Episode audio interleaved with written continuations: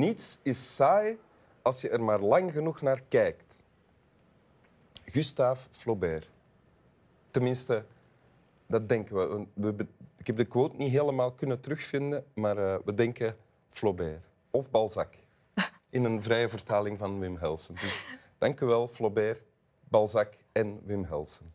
En welkom bij Winteruur met Swami Bami, Wim Helsen en Fleur, Bi- Fleur Pirets. Pardon, ik kreeg het er niet uit. jetlag. Ah nee, jij hebt een ik heb de jetlag, Ah, ja. jij niet. Eh, dus welkom, ja, Fleur Pirets. Kunstenaar, schrijver. Ooit was je researcher en producer van tv-programma's. Ja. Eh, en journaliste ook. Ja. Maar nu ben je voornamelijk kunstenaar-schrijver. En spreker. En spreker. En spreker. Dat ben je nog niet zo heel lang, denk ik. Wel, ik ben dat nu vijf weken. Ja. Ja, blijkbaar word ik nu ineens gebombardeerd als spreker en ik blijk dat heel graag te doen. Ja. Dus dat is heel fijn. Oké. Gelukkig maar. Ehm, bij wijze van inleiding ga ik ook het laatste, een, een iets recents vertellen van jou. Je eh, was getrouwd eh, met Julian, met wie je een vrouw ook, hè, Ja. met wie je een project had. Jullie gingen naar alle landen waar het homohuwelijk ehm, officieel is en kan, Ja. toegelaten is. Ja. En jullie gingen daar dan... Dat was een project. Ja, dat was een kunstperformance. Wij gingen in alle landen trouwen waar het mocht. Eh, dat waren er toen in 2017 waren dat er 22, nu zijn het er 28 Ja. van de 194 landen. Dus, Ja. eh, Maar jullie hebben de 22 landen niet gehaald samen. nee, na eh, het vierde huwelijk in Parijs is zij duizelig geworden en zij is gediagnosticeerd met hersentumoren. En eh, zes weken later was zij dood. Ja. Ja. En daarover heb je ook geschreven, hè? Ja, Daarover en Ik heb over haar. geschreven. Ja. Ja, Julian. Ja. En ook, je, je komt van New York nu, Ja. eh, want daar had, je had een kinderboek gemaakt. Ja, de mensen van het MoMA hadden mij gevraagd of ik eh, het, het project, het trouwproject eigenlijk, in een kinderboekenvorm wou gieten. Ja. In het boek gaat ze niet dood. Dus het is twee vrouwen, Fleur en Julian. Eentje met rood haar en eentje zonder haar. Ja. En die dus in alle 28 landen eh, trouwen waar het mag. Ja. ja. En dat was een boek met tekeningen van Fatinha Ramos. Ja, denk ik. die hier ook heeft Die hier ook heeft gezeten. gezeten. Ja. Voilà, oké. Nu weten we een klein beetje wie je bent. Ja. En je hebt eh, genoeg om te zeggen van, wil je een tekst voorlezen? Ja, zeker. Ik schrijf omdat ik wil schrijven, dat ik gelukkig ben. Op een dag zal het zover zijn en, dat het- en zal ik schrijven met mijn tong tussen het puntje van mijn tanden en met rode oren en rode wangen. Ik ben gelukkig. Als ik daarna ooit nog twijfel en meen dat ik verdrietig ben of de wanhoop nabij of zelfs reddeloos verloren, kan ik altijd opzoeken wat ik werkelijk ben. Gelukkig. Van Toon Tellegen. Ja. ja. Tellegen, die we kennen natuurlijk. Of ik heb hem leren kennen, ik denk met mij veel mensen, door zijn jeugd- en kinderverhalen hè, Ja, over de dieren ja. in het bos. Over de eekhoorn en de, eh, en de olifant die samen taart eten voor Ja. de eh, krekel zijn verjaardag in Ja. een boom. Ja, Je kent de verhalen hè? goed. Ja, ja misschien, ken, misschien wisten zij alles, heet het. eh, heet de het verzameling boek, van al die- Ja, al die ja, verhalen, dat hè? is fantastisch. Ja, hè? ja. Ja, dat is heel schoon. Ja, want heb je iets met Toon Tellegen? Of... Eh, ja, ehm, het is een beetje een triestig verhaal ook wel. Eh, toen, toen mijn vrouw dus aan het eh, sterven was, was ik haar aan het voorlezen.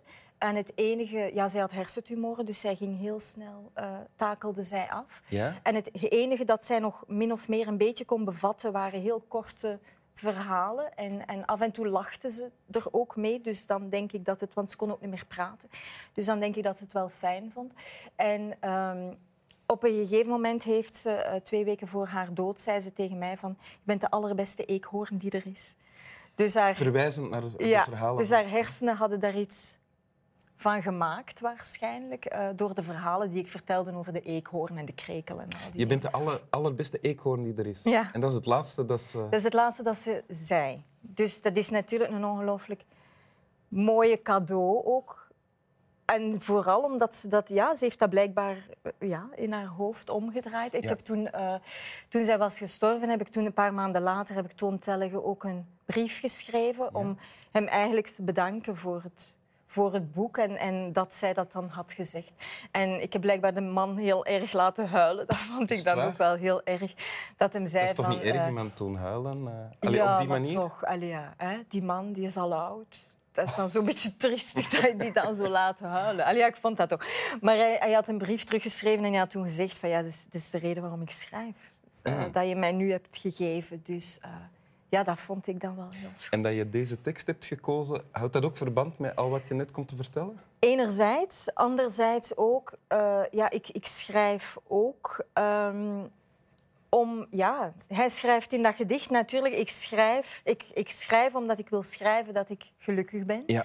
Ehm, dat is het natuurlijk. Hè. Je zoekt zeker als er nu iets gebeurd is zoals dit. Julian was echt de liefde van mijn leven. Ja. Ehm, dan zoek je de hele tijd naar dingen die je toch blij maken of die je op een of andere manier toch nog wat energie geven. Mhm. En schrijven is dat voor mij. Schrijven en spreken en werken in het algemeen. Ehm, en dan hoop ik van als je vaak genoeg schrijft of zegt dat je gelukkig bent, dat je het dan uiteindelijk misschien ook ooit nog eens terug opnieuw gaat worden. Oh ja. Zoiets. Zo'n En- soort van self-fulfilling prophecy. Ja. En werkt het? Nee, Nee. maar, maar ik heb hoop voor de toekomst.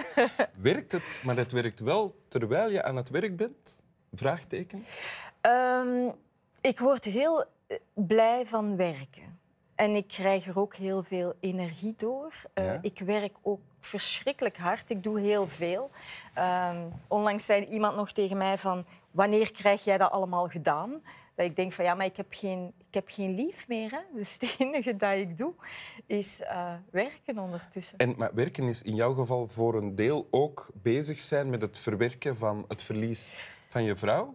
Hè? Enerzijds, ja. Anderzijds heb ik wel gemerkt... ehm wij hebben ongelooflijk veel haatbrieven gekregen toen wij als kunstenaarskoppel aan het werk waren. Ja. Eh, dat we de homoseksuele eh, lifestyle aan het promoten waren, wat Ah, ja. dat ook mocht betekenen. Toen we het eh, huwelijksproject begonnen, werd het eigenlijk erger. Dan hebben wij echt zelfs doodsbedreigingen gekregen en, en dreigbrieven en alles wat je kunt voorstellen. Toen zij stierf, werd het erger. Dan Nog erger. nog erger, dan kregen we brieven en e-mails waarin er stond van dat het de straf van God was en dat we kregen wat eh, we verdienden en dat ze hoopten dat, dat zij dus een langzame en pijnlijke dood zou sterven, wat ze Ja. ook deed. Dus dan is, op dat moment is het natuurlijk heel moeilijk om dat niet persoonlijk te nemen. Ja? Ehm, maar er gebeurde toen iets in plaats van ehm, mij echt zo verslagen te voelen door die brieven en door die haat eigenlijk, Ja. ben ik kwaad geworden. En daar ben ik eigenlijk nog altijd heel dankbaar voor. Omdat ik heb beseft van er is nog zo extreem veel werk te doen. Ja. Er is nog zoveel ehm fout op dat vlak. Ja? En ik heb zo'n beetje het gevoel dat het enige dat mij hier houdt, is een soort van compassie eh, voor menselijk leed. En het idee dat ik daar zoiets aan kan doen. Het idee dat mijn job nog niet gedaan is. En ik merk ook... Is dat dan ook wat jou aanvuurt om, om spreker te zijn? Want je bent nu spreker geworden. Ja, omdat ehm, ik ben uiteraard door het boek... ehm, door het kinderboek heel veel gevraagd om, om te gaan spreken. En ik, ik heb echt dat boek aangenomen als een reden om te gaan praten over LGBT-rechten en over verantwoordelijkheid nemen. Want er zijn heel veel kinderen die gay zijn, die zelfmoord plegen. Eh, vier keer meer dan heteroseksuele jeugd bijvoorbeeld. Ehm, en het fijne is dat als ik klaar ben, komen er echt ongelooflijk veel mensen naar mij die echt zeggen van je hebt gelijk, we moeten echt iets doen. We moeten onze verantwoordelijkheid nemen. En wat kunnen we doen? En hoe kunnen we een goede ally zijn? Ja. Ehm, dus ik begon die reacties te krijgen. Ja, en dan denk ik van oké, dan, is blijk, dan heb ik blijkbaar wel effect op mensen. Ja. Dus dan moet ik daar wel mee verder. Ja, Ja. oké. Ik ben hier al helemaal zo. ja, waarschijnlijk is je werk nog niet gedaan hè, op dat gebied. Dus, nee, eh, nee, nog altijd maar 28 landen hè, Ja. waar we mogen trouwen. Het Ja. is nog altijd illegaal in 71 landen, homoseksualiteit. Het is zot, hè? Ja. wil je het nog eens voorlezen? Ja. Ik schrijf omdat ik wil schrijven dat ik gelukkig ben. Op een dag zal het zover zijn en zal ik schrijven met mijn tong tussen het puntje van mijn tanden en met rode oren en rode wangen. Ik ben gelukkig. Als ik daarna ooit nog twijfel en meen dat ik verdrietig ben, of de wanhoop nabij, of zelfs reddeloos verloren, kan ik altijd opzoeken wat ik werkelijk ben. Gelukkig. Dank u. Dank je wel. Slap wel.